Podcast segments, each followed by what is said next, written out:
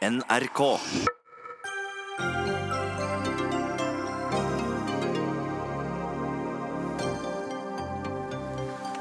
Den høye prisen på fritidsaktiviteter skaper et nytt klasseskille.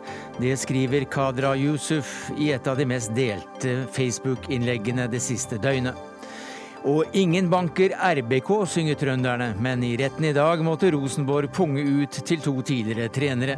Klubben er blitt det nye Brann, sier fotballekspert, hva nå det enn betyr. Kineserne sprøyter inn vann og kjemikalier i norsk fisk og selger det til Frankrike. Og dette er en skjebnedøgn for Venezuela, sier norsk professor. I dag kan fattigfolk og det militære vende seg mot presidenten.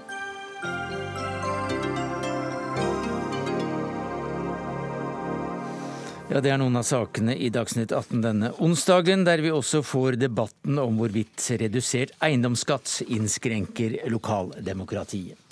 Men vi starter med din påstand om at den høye prisen på barnas fritidsaktiviteter skaper et nytt klasseskille, Kadra Josef. Hvordan begrunner du det? Nå er det ikke påstand. Eh, jeg begrunner jo Facebook-innlegget med både tall fra 2018 og 2016. Eh, og eh, det er vel en trend jeg har sett de siste 10-12 årene der eh, prisen på fritidsaktiviteter blir høyere og høyere. Og det er en samtaleemne ofte også eh, blant foreldre. Og jeg tror eh, det Facebook-innlegget ble delt så mye og engasjerte så mye fordi at det er veldig, veldig mange foreldre over det ganske land som har kjent seg igjen i det.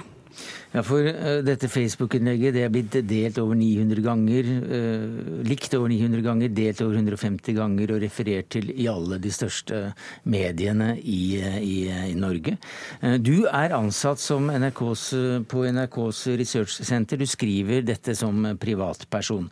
Hver høst og vårsemester tror jeg mange foreldre, inkludert oss, kjenner på lommeboka hvor jækla dyrt det er blitt med fritidsaktiviteter for barn.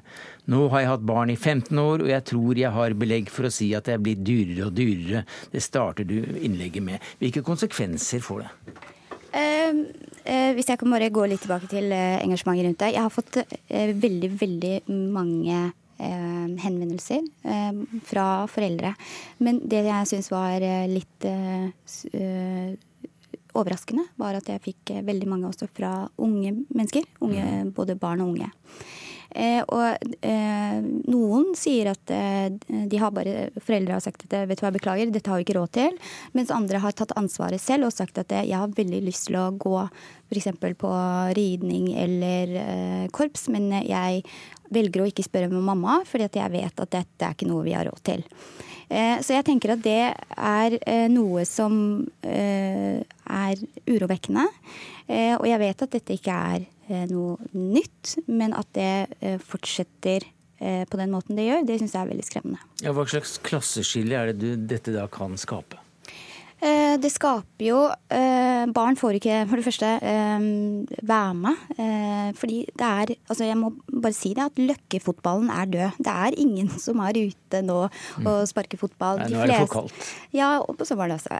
De fleste barn er med i fritidsaktiviteter. Det er jo det ene. Det andre er jo det at for barn som kommer fra lavinntektsfamilier, eller som er, blir mobba på skolen, eller som har det kjipt hjemme, så er det å ha et fritidsaktiviteter en måte å få en pause pause fra hverdagen på og oppleve mestring, og kanskje møte andre bra voksne folk, eh, trenere, studenter et annet sted. Sånn at det er, et, eh, det er veldig viktig. Og, eh, og på lang sikt, da, hvis man ikke får lov til å enda en arena man blir utestengt ifra, så kan det føre til både utenforskap og i verste fall eh, noe som er mye, mye verre, da, kriminalitet f.eks. Ja, hvilke historier er det som har uh, gjort mest inntrykk? Og de reaksjonene du har fått, og det du har sett? Det er, det er, vel eh, barn og unge som eh, ikke får lov til å gjøre det veldig mange andre får lov til å gjøre. Og foreldre som uh, sier det at de, alle vil jo det beste for sitt barn, men som ikke har råd til å sende barna sine på de aktivitetene som de vet at barna har lyst på. Eh, og så er det jo eh, det er jo ikke bare Ofte så er det jo ikke bare én avgift for å liksom gå på f.eks. fotball eller korps eller hva det er. Det er jo så veldig mange skjulte utgifter, ikke sant. det er turer, det er eh, For fotballen så er det sko, det er eh, trøyer osv. osv. Så, videre, og så, så det, det er en, en pott som til slutt blir for stor for veldig mange som ikke har mye fra før, da. Det kan tenkes at det er en god del av de som hører på som ikke gjenkjenner til dette her, av både foreldre og besteforeldre. Men du har også en, en mulig løsning. Hva, hva, hvordan kan vi gjøre dette her slik at vi unngår dette eventuelt nye klasseskillet? Nå øh, syns jeg jo at øh, jeg har påpekt problemet, øh, og mange har engasjert seg både på Facebook og ellers i kommentarfeltene rundt og sagt ifra at dette er et reelt problem som de ønsker løsning på.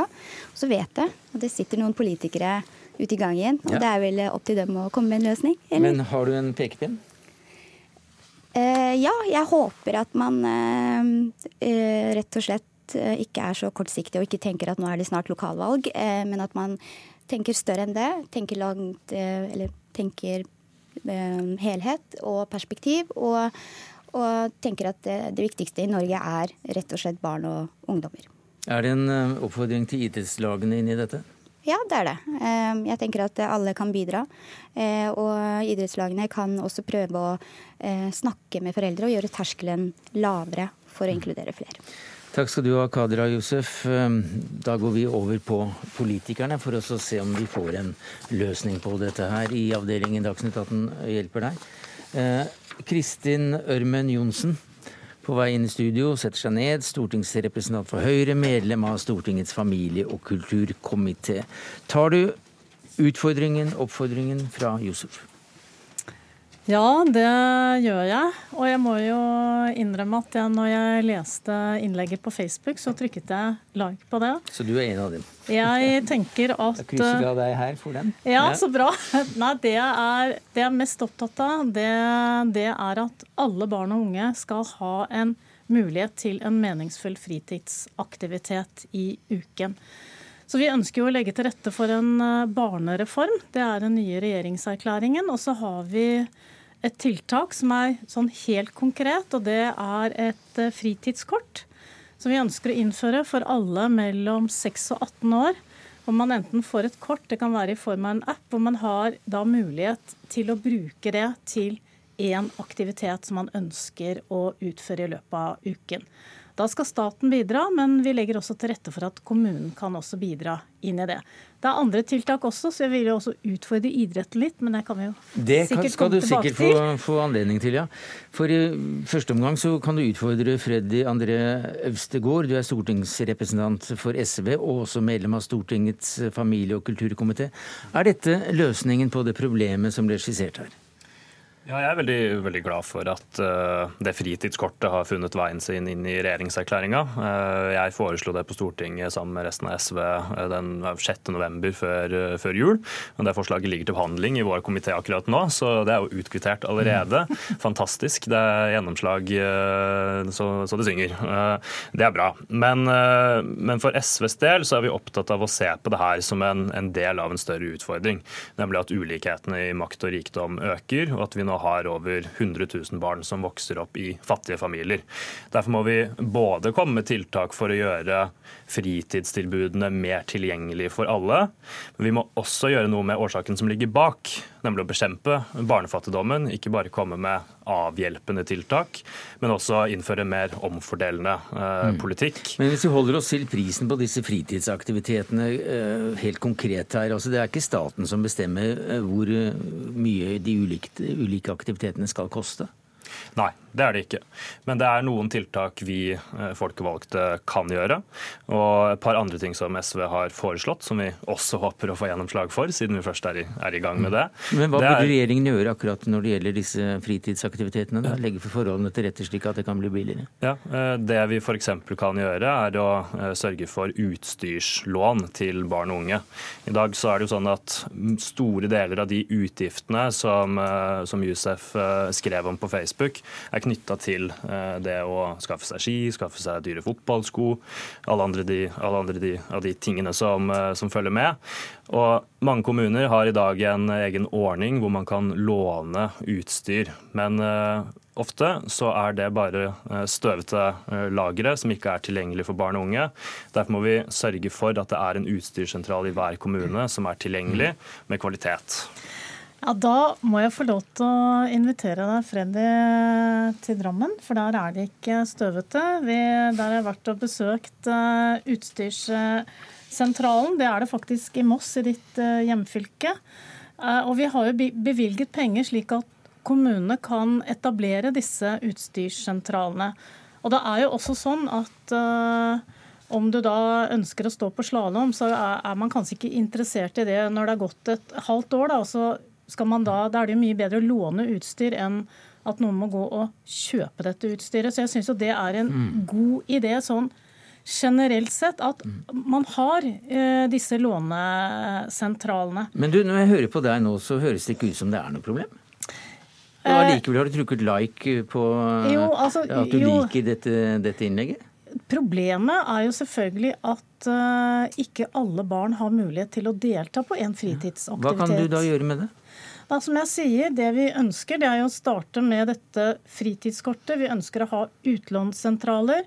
Vi ønsker også å samarbeide mer med idretten. Det er jo inngått en frivillighetserklæring mellom eh, frivillige, eh, kommunene og staten, nemlig å se på hvordan man kan få penger, altså mer, bruke pengene mm. mer fornuftig i idretten. Altså bruke pengene mer fornuftig? Er det Ja, mindre at det ikke mm. er så dyrt å være medlem ja. av et fotballag. Det syns jeg burde være rimelig og overkommelig. Mm. Det er veldig flott eh, å ha et samarbeid med idretten og andre eh, fritidsaktiviteter. Det, det er viktig. Men uh, da syns jeg altså det er synd at et av de gode prosjektene vi har hatt, nemlig Alle med-prosjektet, som kanskje er den virkelig konkrete delen av den fritidserklæringen som regjeringspartiene pleier å nevne, den har blitt kutta støtten til nå over statsbudsjettet for 2019. Og Det var et konkret prosjekt som også jobba med både idretten andre fritidsaktiviteter for å se hva er det som holder barn og unge ute, og hvordan kan vi legge til rette for at de kan få bli med. Mm. Men det ble kutta av denne regjeringen. Men vi har lagt inn da egentlig 10 millioner i altså Men hvorfor kuttet dere men svar på dette, altså, hvorfor Nei, kuttet dere akkurat den som kunne hjelpe? Eh, en annen pott, en storbypott, som gjør at for vi ser jo det at det er jo ofte i storbyene hvor det er lavinntektsfamilier. Så vi har, de, eh, vi har kuttet det, men vi har lagt mm. de midlene inn i en annen pott. Så det er mange, mange potter kommunene kan søke på. Men mange potter små etc. Men ja, Det er derfor vi ønsker dette ja. kortet, sånn ja, at det ikke skal bli så byråkratisk. Men nå har vi et forslag her som ligger eh, som du kan si ja eller nei til. og Det er å sette et tak for eh, de totale utgiftene familier må ut ved når det gjelder fritidsaktiviteter. Er det en mulighet? Det, altså, man kan jo tenke, da, at for det er jo veldig Det er jo forskjell. Det er vel kanskje noen aktiviteter som er dyrere enn andre. Eh, sånn Men Går det an å sette et tak? Altså Hvis du har betalt 20 000 kroner for eh, ungenes aktiviteter i semester, ja, så slipper du å betale mer? Akkurat som det er f.eks. når det gjelder resepter? Det syns jeg er vanskelig å svare på. Jeg tror først vi iallfall må se hvordan dette fritidskort kortet virker, hvor det er gratis. Mm. Men å sette et tak Det jeg er opptatt av, det er at eh, det ikke skal være dyrt, og at idretten kanskje må komme mer på banen og ja. se hvordan de eh, bruker. For hvorfor skal det være så dyrt å være medlem av en fotballklubb? Eh, kan man ikke bruke mer frivillig som trenere? Man betaler mm. trenere osv. Så, videre. så det har jeg lyst til å utfordre idretten på. For det er jo også veldig forskjell på medlemskap i de ulike idrettslagene. Ja, og utrolig nok så har vi med idretten. Seniorrådgiver i Norges idrettsforbund, Håvard B. Øvregård. Hvorfor skal det være så dyrt? Hvorfor kan dere ikke bruke eh, trenere som ikke er profesjonelle, f.eks.? Så Vi har litt som en av de viktigste sakene våre i idretten. Vi har idrettsglede for alle som visjon. Det krever at alle skal være med uavhengig av økonomi. Sånn er det ikke i dag som Kadra har pekt på tidligere. Eh, og Det jobber vi med å motvirke. Men det er en utfordring at foreldre har lyst å gjøre alt for ungene sine. Sånn, foreldre har lyst til å investere i ungene sine. Noen foreldre har lyst til å bruke veldig mye penger. Og I noen idrettslag så blir det satt en standard som er for høy. Eh, og Det er vanskelig å gå inn og nekte idrettslag å investere i. Vi er opptatt av at særforbund skal sette krav i de ulike idrettene. Så f.eks. når Svømmeforbundet sier at du kan ikke bruke de dyreste svømmedraktene i, i aldersbestemte klasse, Sykkelforbundet sier du kan ikke bruke de letteste og dyreste syklene i aldersbestemte klasse, mm. Skiforbundet sier du skal ikke bruke ja, mange antall ski. Er, er dette svaret på din utfordring? Jeg syns det, det synes jeg var egentlig utrolig bra. At man faktisk har satt noen grenser i forhold til utstyr. Det du sa, det var liksom grenser for hva det skulle koste. Men grenser for utstyr, synes jeg, det syns jeg var veldig bra at idretten tar tak. Og jeg tenker nå skal jo, Det kommer jo også en egen stortingsmelding om idrettspolitikk, så vi får jo anledning til å komme enda tettere i dialog med idretten for å få det ned. For jeg er også opptatt av hvorfor skal det være så dyrt å spille fotball? Det er jo ikke en sport som kan kreve så mye som f.eks. dette med enten hest eller slalåm. Det er jo mye mer utstyrskrevende. Hvorfor skal det være så dyrt å spille fotball? Altså det Kostnadene i samme idretten varierer veldig. Jeg har vært på møte med idretter der det koster fra 600 kroner til 60 000 kroner å delta for ett barn i ett år i samme idrett. Det handler om at en i ulik grad er bevisst på at penger skal ekskludere. Vi sier til idrettslag de skal gjøre to ting. De skal generelt sett redusere kostnadsnivået, og så skal de ha egne ordninger for de barna som sannsynligvis uansett ikke kan betale, uavhengig av hvor lavt kostnadsnivået blir satt. Og en av de tingene vi er veldig opptatt av, det er at når det gjelder sistnevnte, ordninger for de som ikke kan delta, så trengs det samarbeid på kommunenivå. Mm, men har dere nå en ordning som gjør at alle kan delta? Er det det de Nei, sier? Altså, I dag får ikke alle delta. Nei. Men, det, men, men hva skal da til for at alle skal delta? Det er at det enkelte idrettslag, det enkelte foreldre som er styremedlem i et idrettslag, er bevisst på at vi må sørge for å ha eh, et, et idrettslag med drift som ikke ekskluderer folk. Det er bl.a. verktøyet Alle med, som vi har vært med på å, å utvikle, det enkelt idrettslag? Blir brukt i idrettslag etter idrettslag. Det, foregår mye flott arbeid i idretten og andre eh, frivillige lag og foreninger på det her. Det vil jeg først anerkjenne. Men jeg opplever også at hver gang vi har den diskusjonen, så ender vi fort opp med å snakke om måte, hva hver enkelt forelder er nødt til å gjøre av å senke, uh, senke forventninger uh, og sånt noe. Og litt for lite hva vi kan gjøre politisk. Vi har jo også uh, en annen infrastruktur i dag som bare ligger der klar til å bli brukt, nemlig fritidsklubbene, ungdomshusene, som er åpne, universelle møteplasser. helt gratis gratis, et godt fritidstilbud. Men det er i underkant av 100 eh, kommuner som ikke har et eneste eh, fritidshus for barn og unge. Så Derfor er også en av de andre tingene SV har foreslått, for å prøve å gjøre litt politikk ut av det her, da, at det skal være et lovpålagt tilbud i alle kommuner, sånn at alle barn og unge kan møtes på tvers, på tvers av bakgrunn, ikke i egne ordninger for de, de barna som vokser opp i fattige familier, men på felles hus hvor de møter hverandre, eh, og på den måten gi eh, et fritidstilbud for alle. Men har du noe tro på det innspillet fra Idrettsforbundet her, nemlig at eh, man må bevisstgjøre ledere på alle nivåer i alle idrettslag for at alle skal med? Ja da, klart det. Det er veldig fint. Tror du det blir noe av? Altså jeg, jeg, håper den jobben fortsetter, og at det er en del av løsningen. Det er jeg helt enig i. Og Jeg vet at uh, bl.a. Idrettsforbundet gjør en god jobb med det her.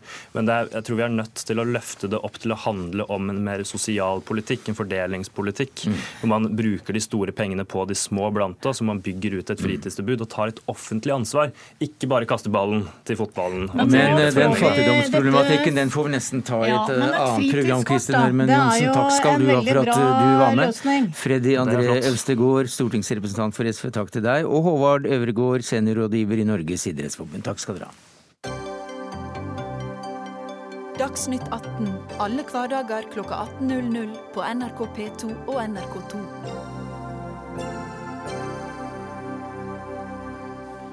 Så til eh, hele Norges fotball fotballag, hele Norges fotballag, og hei og hei og hei og hå, som det het seg. Eh, det er noen år siden, for i et hemmelig forlik i tingretten i dag så ble det satt sluttstrek for konflikten mellom Norges største fotballklubb Rosenborg og de tidligere trenerne Kåre Ingebrigtsen og Erik Hoftun. De to fikk som kjent sparken i fjor sommer, og gikk da til sak mot klubben, som de ikke bare har trent, men også spilt for, ikke uten suksess. Birger Løfaldli du er kommentator i Adresseavisen. Hva dreier denne saken seg egentlig om? Nei, Det handler jo om at de to, Ingebrigtsen og Hoftun, følte seg usaklig oppsagt. Eh, de gikk til søksmål mot Rosenborg. og så er det to eh, prinsipielt interessante poeng i den saken. Det ene handler om stillingsvernet til en fotballtrener. Det andre handler om eh, en fotballtrener i en fotballklubb kan regnes som virksomhetens eh, øverste leder, og dermed kan fraskrive seg stillingsvernet. Så hva sa retten? Nei, vi, vi, fikk jo aldri noe svar i retten. Jeg syns jo det er dumt at denne saken ikke ble uh, kjørt uh, helt sånn at vi fikk en uh, dom. for at de to spørsmåla der er uavklart. Har vi fått et svar på det fra retten, så har Eh, har det blitt klarere, tydeligere hva klubber skal gjøre i framtida. Eh, nå ble det jo et forlik, eh, og dermed er fortsatt de spørsmålene uavklart. Og Hvor stort dette forliket ble på til slutt, det er det ingen som egentlig vil si. Men dere som har lusket rundt i korridorene, har kanskje hørt et og annet? Nei, der blir ren gjetting fra meg òg. Ingebrigtsen har jo allerede fått tre millioner. Hoftun har fått én cirka.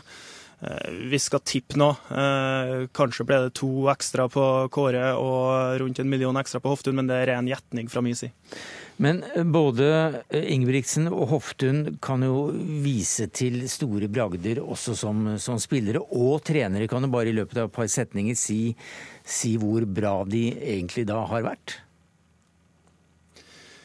Kåre Ingebrigtsen og Erik Hoftun bidro til å løfte Rosenborg, som eh, har ligget langt ned eh, en periode, både økonomisk og, og, sportslig, til å bli Norges klart beste fotballklubb.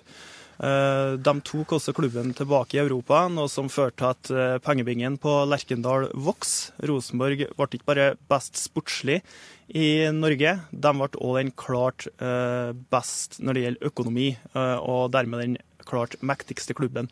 Og så var det sånn at det siste året eh, de var trenere, så vi som var ganske tett på klubben, merka iallfall at uh, utviklinga uh, var ikke like god som før. Kanskje stansa det helt opp. Det her uh, mente også styret, og de mente at det var grunn nok til å kvitte seg med trenerduoen. Men iallfall én var med i det som ble kalt for mirakelet i Milano. Vi husker jo det at de, de slo storklubben på bortebane. Så hva slags sak er dette egentlig nå for, for Rosenborg? Nei, det er en veldig vanskelig sak for Rosenborg. Det ene handler jo om eh, de prinsipielle spørsmålene. Så er det veldig mye følelser eh, knytta til den saken. her. Det har jo kommet fram i retten de to eh, siste dagene. Eh, ikke bare er det en fotballklubb som alle bryr seg om, og dermed blir det en veldig stor oppmerksomhet rundt det. Eh, de involverte her er jo gode kompiser, har vært venner i flere tiår, flere av dem. Eh, og det har jo vært tendenser til skittkasting i retten de to siste dagene. Og hvis rettssaken har fortsatt i dag, så regna jeg med det har eskalert når vi så hvilken vitneliste det var. Det var flere av de mest sentrale RBK-erne gjennom historien, deriblant Nils Arne Eggen.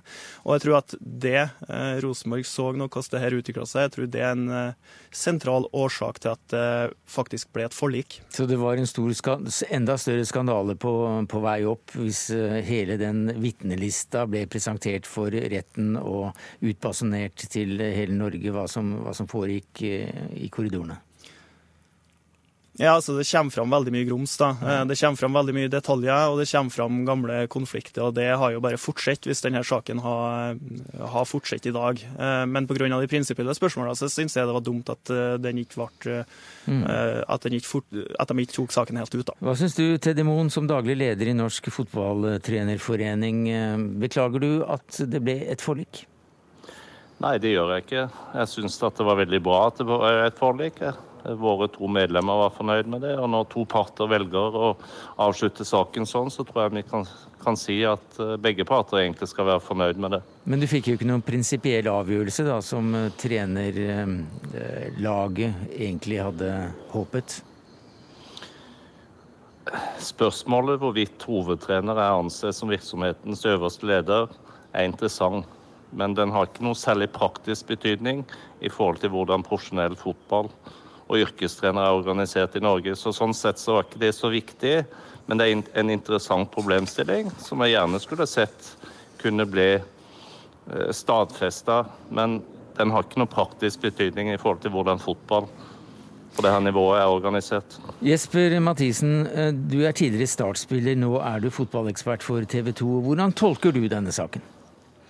Jeg tolker denne saken som eh, en eh, veldig problematisk sak for eh, Rosenborg. De har et omdømme nå som har fått seg en kraftig ripe i lakken. og Det at de inngikk et forlik med Ingebrigtsen og Hoftun i dag, det er for meg en innrømmelse om at ikke de så på denne her saken som like god for sin side som det de kanskje gjorde før rettssaken starta. De to dagene, mandag og tirsdag, hvor det kom opp veldig mye grums og det kom opp mye ting innad fra klubben som absolutt ikke Rosenborg kan være bekjent av, da har nok noen i og runt Rosenborg trukket nødbremsa og sagt at nå må vi få stoppa dette, vi må få betalt ut nok penger, slik at ikke denne her rettssaken fortsetter nå i to dager til, for da vil det skade oss enda mer. Nå endte det opp med et eh, forlik som Ingebrigtsen og Hoftun så ut til å være veldig godt fornøyd med, og jeg tror også Rosenborg er fornøyd med å ha lagt denne her saken nå bak seg og kan fokusere på det faktisk som de skal i 2019, det å vinne fotballkamper og vinne nye trofeer.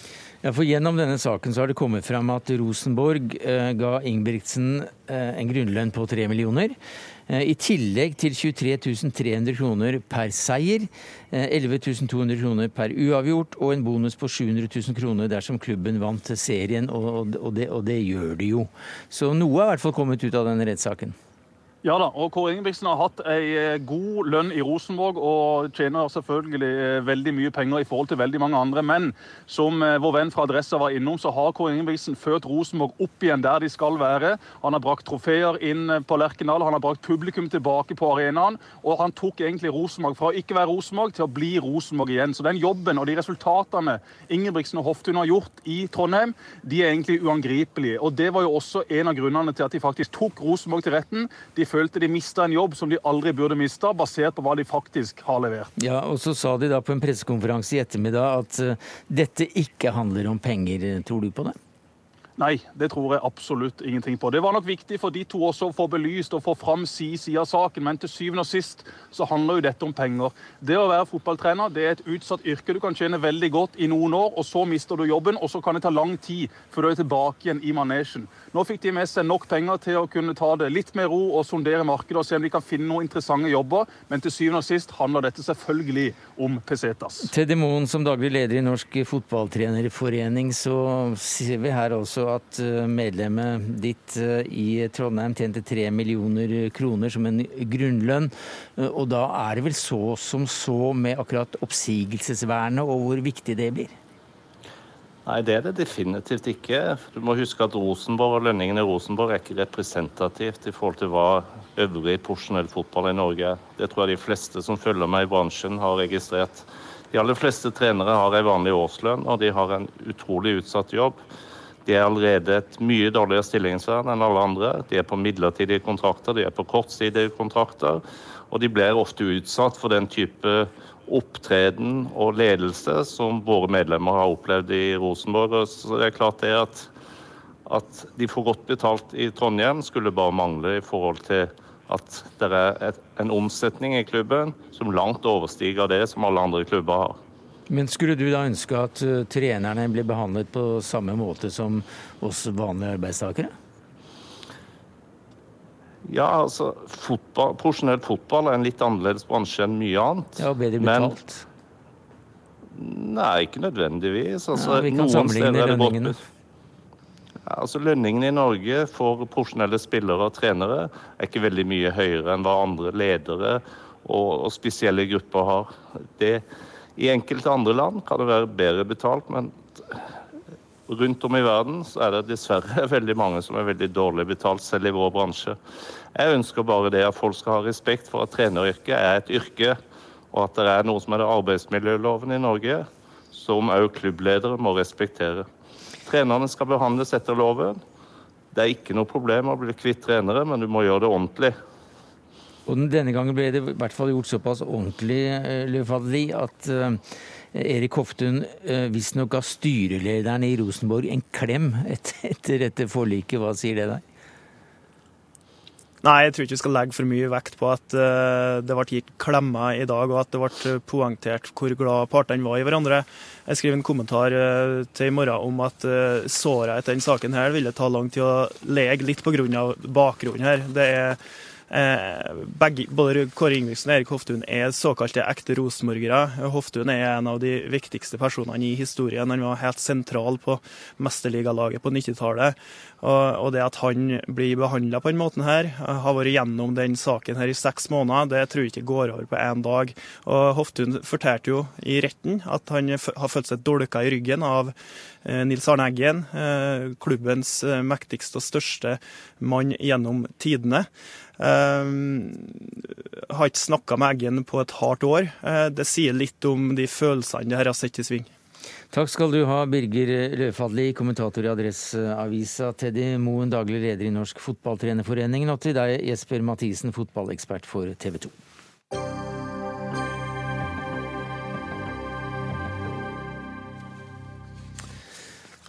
Nå skal vi videre til en sak om norske kommuner. For eh, norske kommuner reagerer sterkt på at eh, den nye regjeringen går inn for å senke eiendomsskatten på boliger.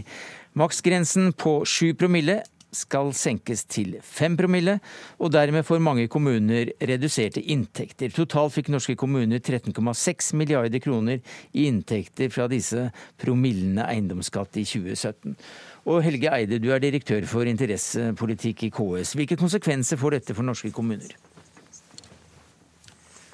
Det viktigste her er jo ikke først og fremst promillen på eiendomsskatten, men det er at kommunene fratas en mulighet til å, å, å, bruke det. Altså Enten man sier ja eller nei til eiendomsskatt, så forsvinner jo en mulighet når man reduserer eh, eiendomsskatt. Så for de kommunene det gjelder, så betyr jo det selvsagt neg mye negativt for, for tjenestetilbudet at man fjerner nå 1 milliard av inntektene deres og tar ytterligere 500 millioner når, eh, når eh, en ny promille sats blir redusert ned til 4 promille. Eh, men, men handlingsrommet, mulighetsområdet til å diskutere i, i, lokaldemokratiet i møtene med velgere, mellom lokale folkevalgte og velgere, om man skal bruke eiendomsskatt eller ikke, det forsvinner. Så Først og fremst er det en prinsipiell svekkelse av lokaldemokratiet. Man, man snakker jo veldig pent om om viktigheten av et levende lokaldemokrati i ulike festtaler. Men altså når det kommer til stykket, sånn som jeg gjør her, så er man først og fremst opptatt av å fjerne eller redusere mulighetene eh, eh, for eh, kommunene og de folkevalgte til å, til, til å diskutere i lokaldemokratiet mm. om man skal bruke eiendomsskatt eller ikke. Og En som da er med på å fjerne lokaldemokratiet, slik du ser det, det er deg, Sivert Bjørnstad. Du er stortingsrepresentant for Frp og medlem av finanskomiteen. Hva sier du til denne grausamme salbe? Ja, nei, Jeg sier jo selvfølgelig at det er helt feil, og at eh, vi tenker på innbyggerne først. Det er sånn at eh, Eiendomsskatten er en grunnleggende usosial skatt som ikke tar hensyn til hvor mye inntekt man har, hvor mye formue man har. Men i det at man i det hele tatt bor i et hus eller en leilighet, skal være nok til å skrive ut en skatt. Det mener vi er direkte usosialt. Så er det sånn at eh, Kommunene i Norge går med rekordstore overskudd. Det går veldig bra. Det har aldri vært færre kommuner på den såkalte Robek-lista, som er en liste over kommuner med dårlig økonomi. Så det her har kommunene fullt mulighet til å, til å ta inn på helt andre måter. og man, I stedet for å sette masse penger på fond, gjennom de store overskuddene, så kan man bruke det til å redusere eiendomsskatteregninga til folk flest. Eide.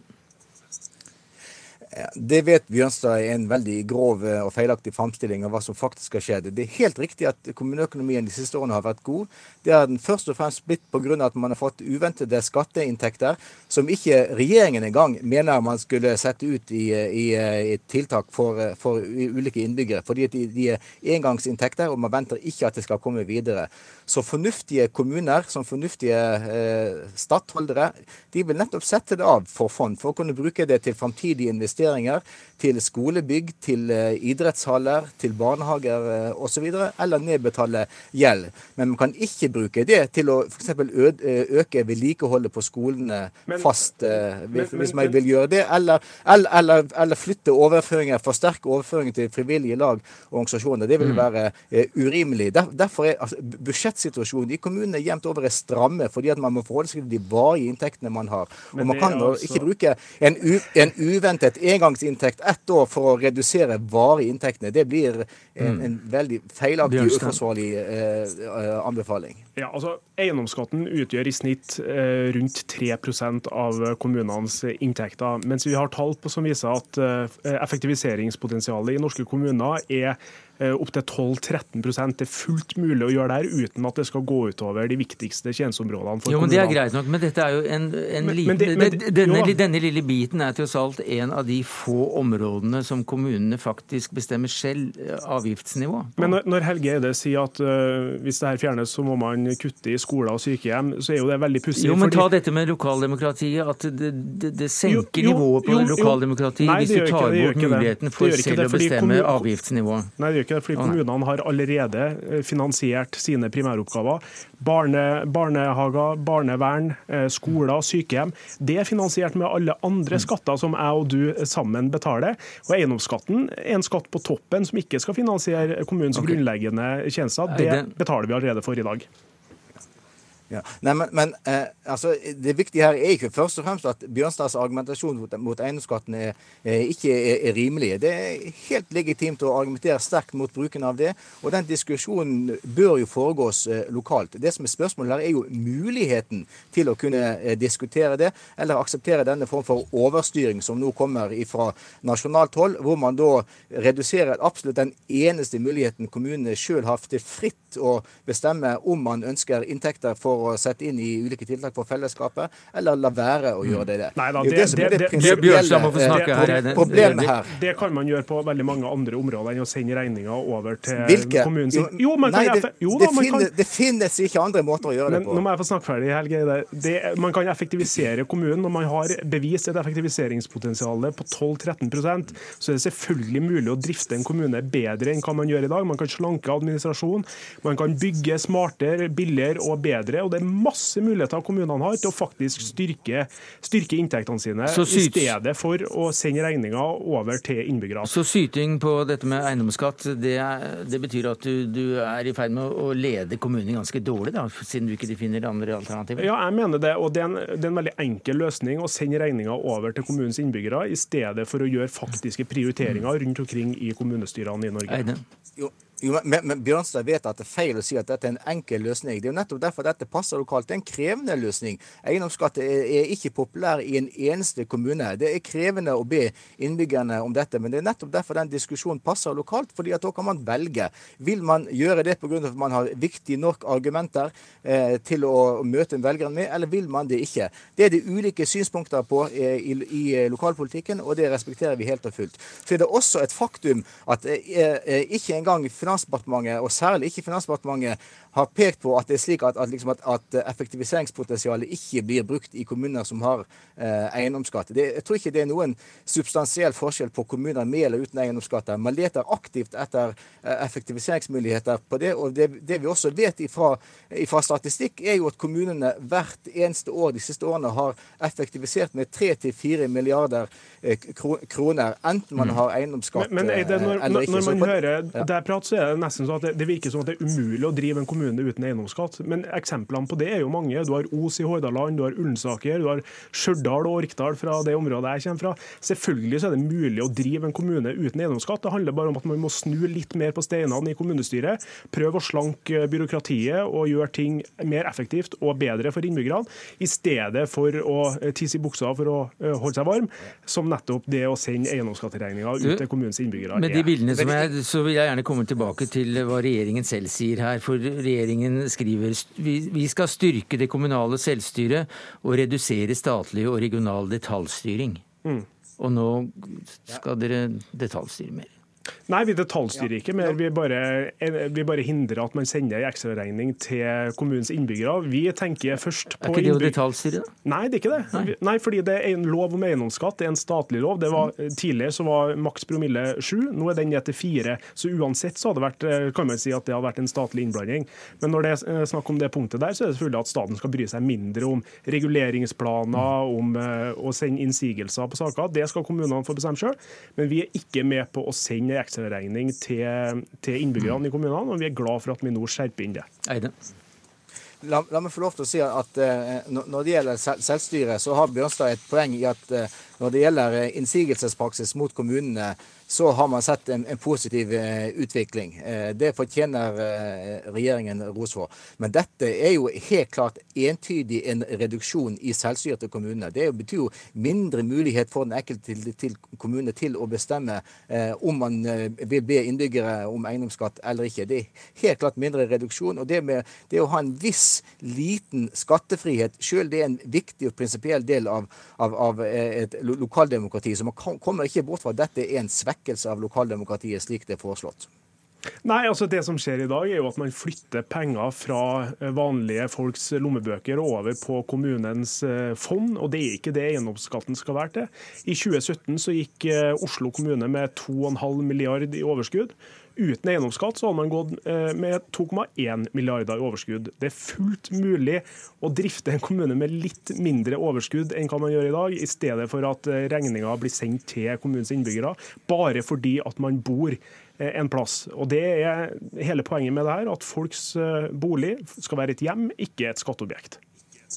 Så det er såpass godt stelt rundt omkring i Kommune-Norge at de går overskudd så det kviner? Ja, altså Trondheim kommune, som jeg kommer fra, gikk med 400 millioner i overskudd. Oslo kommune 2,5 milliarder i eh, rekordoverskudd jevnt over over hele linja.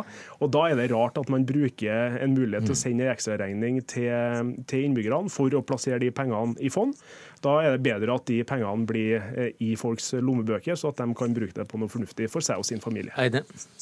Og, og, som vi har vært inne på tidligere i, i denne sendingen, så vet jo både Bjørnstad og jeg og, og, alle andre som kjenner til kommuneøkonomi, at grunnen til at disse ekstrainntektene kom, det er altså engangsinntekter eh, som følge av, av endringer i, i, i, skattereformen. Det kan ikke kommunene forvente å, å, å, få mer av i årene som kommer. Og Det har jo også Bjørnstads egen regjering tydelig kommunisert i alle styringsdokumenter til kommunene. Derfor er det fornuftig at de pengene som kommer inn som ekstra engangsinntekter, blir satt av eh, for fond for framtidige investeringer eller for nedbetaling eh, av gjeld. Altså En varig reduksjon av inntektene eller en varig økning av utgifter til varige tiltak mm. med bruk av engangsinntekter, det er ufornuftig i, i, i privatøkonomien vår, og det er ufornuftig i kommuneøkonomien. Takk skal du ha, Helge Eide, direktør for interessepolitikk i KS, til Silvert Bjørnstad, stortingsrepresentant for Frp.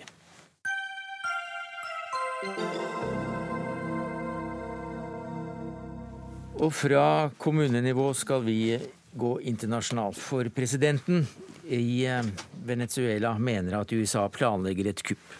2,5 millioner mennesker har flyktet fra landet de siste tre årene. Flere hundre barn har dødd av sult, ifølge FN.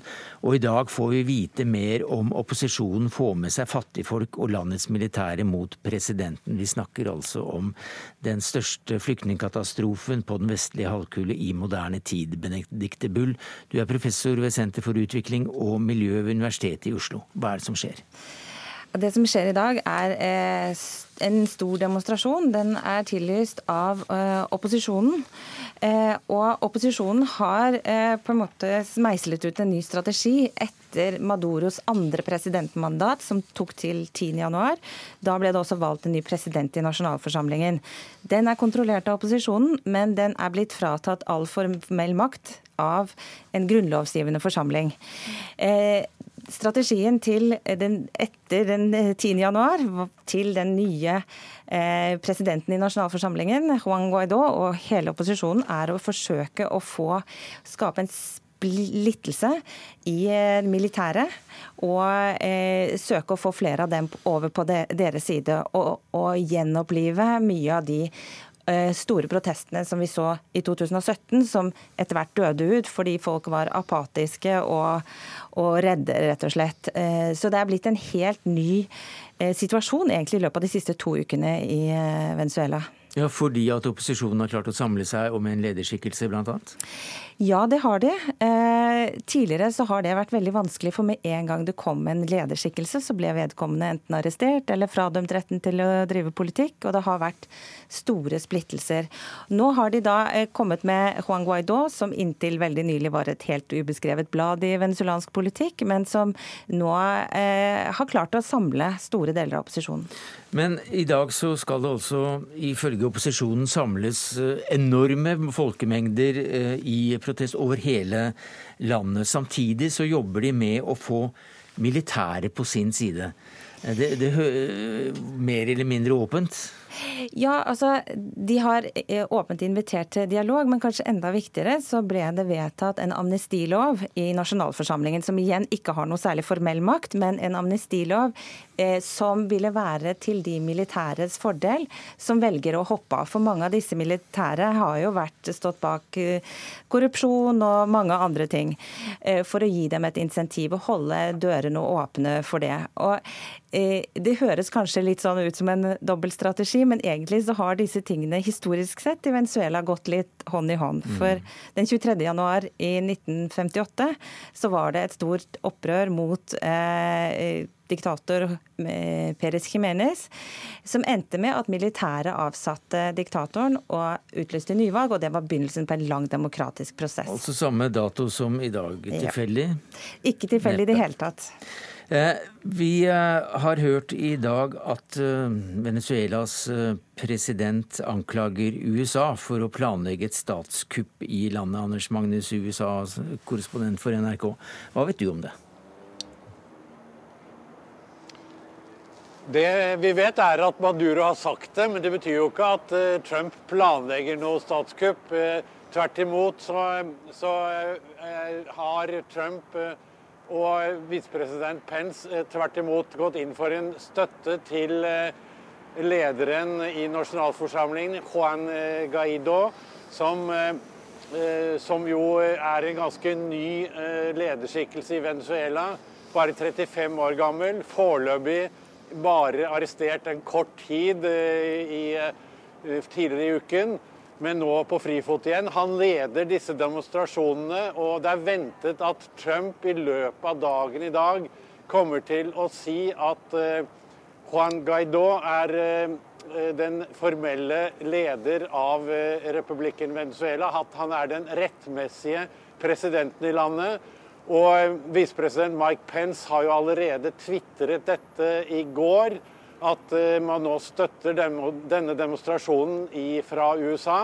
Og det er denne twittermeldingen Twitter-meldingen som, eh, sier, som har forårsaket at Maduro nå sier at Amerika eller at USA planlegger et statskupp i Venezuela. Det tror jeg ingen militære ledere her ønsker seg, selv om Trump for mange, mange måneder siden sa at man kunne vurdere militær inngripen i Venezuela. Det har han ikke gjentatt senere. Og det er ikke på trappene med noen slags militær intervensjon i Venezuela i forbindelse med denne demonstrasjonen. Men det er altså da ønsker om et regimeskifte fra USAs eh, ståsted? Ja, det er det. Og eh, Marco Rubio eh, han eh, uttalte i går at hvis det, det, altså, etterretningspoliti nå griper hardt inn mot demonstrantene, så vil det få konsekvenser som ikke de kan forestille seg. Så det er på en måte en trussel, men uten, en, uten at noen egentlig tror at det ligger noe veldig tydelig bak truslene. Det man har sagt i dag, da, er at man vil innføre sanksjoner mot oljeindustrien. USA har jo lenge hatt på plass finansielle og sanksjoner og sanksjoner mot individer i, i regimet. Oljesanksjoner det ville vært bringet til et helt nytt nivå og ville vært ganske dramatisk for Venezuela. og Det er kanskje noe sånt noe man kunne tenke seg. Det vil jo ikke bidra til noen løsning. Og egentlig denne voldsomme opptrappingen av retorikken fra USA tenker jeg kan også slå litt tilbake, fordi folk flest vil ha et regimeskifte i Venezuela, men samtidig som et stort flertall veldig imot en inngripen fra USA. Eh, Anders Magnus, eh, du har snakket med noen av de flyktningene, 2,5 snart millioner flyktninger som har eh, kommet ut av eh, Venezuela. Hva kan de fortelle? Jeg har nylig vært i Argentina, et land som har over 100 000 flyktninger fra Argentina.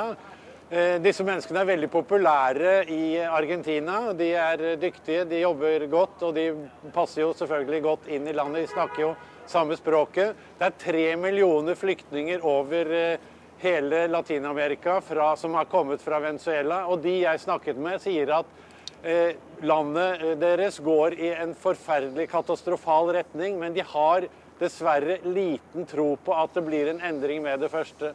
Og eh, Når det gjelder de andre latinamerikanske landene, så har jo nettopp Lima-gruppen som jo består av 14 latinamerikanske land pluss Canada, de har nå vedtatt at, at det er ikke Maduro er ikke legitim president, så de har altså det samme synet som USA.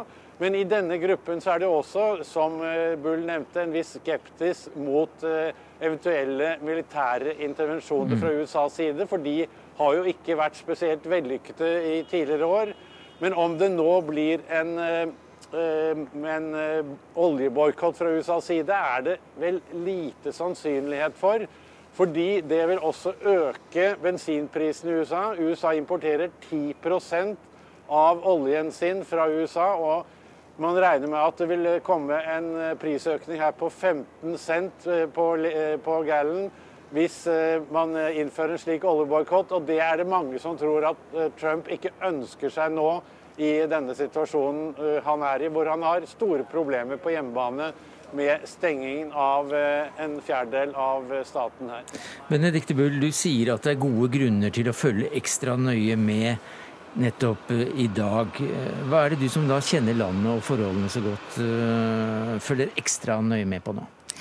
Ja, Det er flere ting, og det er en del ting som har endret seg siden den siste runden med massedemonstrasjoner.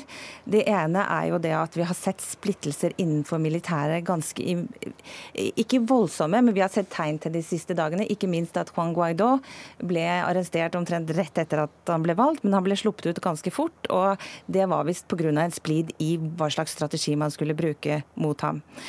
Eh, og der Militæret har lenge sittet med nøkkelen til hva som kommer til å skje i Venezuela. Eh, og det andre er jo USAs mye tydeligere linje, som, som eh, kan være med å endre situasjonen. Men det jeg følger ekstra godt med på, det er om eh, fattigfolk eh, tar til gatene i dag. Fordi ja. Eh, de, I 2014 og 2017, som det var store runder med demonstrasjoner, så var det stort sett eh, middelklassen som protesterte. Og eh, i kjerneområdene til, eh, til chavistene så var det veldig liten støtte til disse protestene. Nå så vi et tilløp i forgårs eh, i et eh, fattig nabolag i Caracas, hvor det var, var demonstrasjoner, ikke koordinert av opposisjonen, men litt sånn for seg. Og man får om man klarer å, å, vekke på en måte hele landet, så eh, tenker jeg situasjonen kan begynne å endre seg. Og det vil også, Hva som da kan skje, det vil jo være veldig avhengig av hvordan opposisjonen eh, bruker dette. Om de klarer, eh, for første gang vil jeg si, å samle seg også om en type strategi som kan være attraktiv for de fattigere gruppene i Venezuela. For det er jo det opposisjonen ikke har klart. De har ikke klart å bli populære blant eh, fattige venezuelanere, på tross av at de lever under en situasjon som er helt forferdelig i veldig mange områder. Ja, 51,5% lever i ekstrem fattigdom, melder, eh, melder nyhetsbyrået her. Men det å få med seg fattigfolk, lykkes opposisjonen i den strategien? Det eh, vet vi egentlig ingenting om ennå. Ja, disse demonstrasjonene begynte så vidt i går med litt sånn kasserollebanking mm. og litt i forgårs. Men fire er drept allerede? Fire er drept allerede. Vi kan få se også, og det har jo selvfølgelig også veldig mye å si hva regjeringen nå gjør. Bruker de harde midler? Blir det et blodbad? Eh, blir det bare en enda større innstramming av både overvåking og kontroll, som militæret ikke minst er, er utsatt for, godt hjulpet av cubanere, eh, som har, er, styrer mye av etterretningsapparatet. Eh, og får vi da massearrestasjoner i etterkant, så kan vi egentlig bare få se at situasjonen blir forverret. Men det vil være veldig avhengig av mye, hvilke strategiske grep som opposisjon, både opposisjonen og regjeringen tar nå i løpet av det neste døgnet. Men er presidenten populær i de militære rekker? Han er nok eh, populær i, i, den øverste ledelsen, som eh, har fått eh, veldig mye større innflytelse under han. Ja, For noen store... lenger nedover prøvde seg på et eh, slags eh, minikupp, i hvert fall skjøt det litt? Eh, ja, det var et lite opprør i forgårs. Det var en del av nasjonalgarden, som er fotfolket, virkelig. De er like dårlig betalt som mange andre offentlig ansatte i Venezuela, og, og, og, lever i det samme. Så der er han nok i langt mindre grad populær. Så det nok av Så det er veldig mange deler av, eh, av det militære apparatet her. Men toppledelsen gikk jo senest 10.1 ut og sa at de var fullstendig lojale mot Maduro. Og det har jo ingen grunn til å gjøre opprør, for de har fått rikelig med tilgang til muligheter for korrupsjon, inntekter fra andre ting, i tillegg til en viktig politisk rolle. Vi skulle hatt med oss et uh, lokalt øyevitne i Caracas uh, akkurat nå, men vi kom ikke gjennom. Men hva kan da skje i dag? Altså, I verste fall så blir det vel en, en masse mennesker drept. Opprørspolitiet skyter demonstranter over hele landet. Militæret kan velge side i dag, tror du? Eh, det vil bli veldig interessant å se hva som skjer. Eh, noen tenker jo også at, det, at, bak dette her så ligger det faktisk en avtale mellom opposisjonen og en del eh, i toppledelsen hos de militære. Men skulle vi da få se et sånt blodbad, og etter de sterke ordene som har vært brukt fra USA, så kan jo ikke de sitte og ikke gjøre noen ting. Da vil de jo fullstendig miste ansikt. Og det tenker jeg kan bli en ganske skummel situasjon også. Så det er veldig Det kan komme noe godt ut av dette her, og det kan komme noe virkelig, virkelig dårlig ut av det. Veldig kort, eh, Anders Magnus. Eh, da vil vel eh, veien være mer åpen for en militær intervensjon fra Trumps side? Det har jo vært planer i Det nasjonale sikkerhetsrådet for hva man skal gjøre hvis det blir en skikkelig krise i Venezuela. Og det er to så å si, indikatorer man har satt som grunnlag for å gripe inn. Det ene er hvis den amerikanske ambassaden i Caracas blir eh, angrepet og ødelagt. Det andre er hvis det blir drept mer enn 1000 mennesker i en protestdemonstrasjon mot regimet. Så vi får se.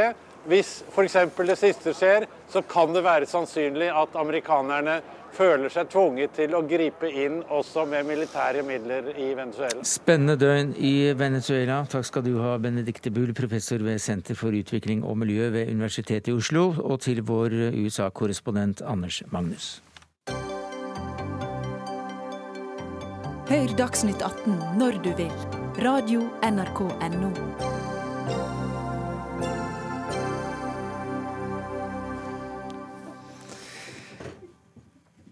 Norsk torsk vokser litt i munnen hos franske forbrukere nå om dagen. For i en TV-dokumentar som franske TV5 sendte på søndag, så avsløres det nemlig at norsk torsk sendes til Kina, der den fylles med kjemiske tilsetningsstoffer og vann, og deretter blir sendt ut på det europeiske markedet. I dokumentaren så vises det hvordan fisken kuttes og fileteres, før den injiseres med vann for å bli tyngre, slik at prisen blir høyere, og tilsettes fosfat for å se ferskere ut. Pål Frisvold, du er eh, utsending i Frankrike for Norsk sjømatsråd og er med oss fra Brussel. Hvorfor gjøres dette med norsk fisk? Uh, altså, norsk sjømat er jo uh, verdens, en av verdens led, ledende sjømatsnasjoner. Vi er verdens nest største sjømateksportør. Og Kina er en av verdens største videreforhandlere av fisk. Så det som er vår oppgave, det er å sørge for at det franske forbrukerne ønsker, nemlig kvalitet og klar merking av opprinnelse, Eh, det må komme til syne for forbrukerne. Eh, og det gjør vi eh, ved å bruke det europeiske regelverket som setter klare grenseverdier for hva som kan tilsettes i, i, fiskeprodukter. Men dette her skjer altså, det er Kina som akkurat i dag framstår som verstingen når det gjelder å pumpe norsk fisk fulle av vann og kjemikalier. Hvordan, hvordan opplever du at omdømmet svekkes når det gjelder norsk fisk i utlandet, og da særlig i Frankrike? Ja, Nei, altså Er det noen som er lidd av denne skandalen, så er det først og fremst denne produksjonsmetoden i Kina. Um, det gjøres mange undersøkelser i Frankrike stadig vekk, og en undersøkelse før jul av det franske forbrukerrådet, eh, som har et eh, medlemsblad som heter Que choisir, som betyr av hva velge. Og Der gikk de nettopp inn på bærekraftigheten ved torsken som eh, franske, franske folket spiser, hvor det kom frem at den er truet, den bestanden er truet i mange deler av verden, men ikke i den norske bestanden som vi fisker i bl.a. i Barentshavet. Men så tilbake til spørsmålet. Hvordan påvirker dette omdømmet for den norske fisken når det gjelder hva forbrukerne tenker om dette? Ja, nei, jeg tror, at, jeg tror at uh, Det som franskmenn er opptatt av, det er at uh, de ønsker kvalitet. De ønsker eh, klarhet i hvor produktene kommer fra. Ja, hva, hva gjør da dette med omdømmet? Hva gjør dette med omdømmet av norsk fisk? Det, det, det gjør det med omdømmet at vi må passe på at vår fisk er eh, merket på en måte som gjør at franske forbrukerne kan foretrekke å kjøpe den fisken som kommer fra Norge. Og vi har store muligheter for å øke verdiskapningen og for å Mm. foreta mer eh, videreforledning av eh, fisk i Norge. Men eh, der må vi sette strek. Dagsnytt 18 er slutt. Ansvarlig for det hele var Ann-Katrin Førli. Frode Thorshaug hadde teknisk ansvar. Jeg heter Sverre Tom Radøy.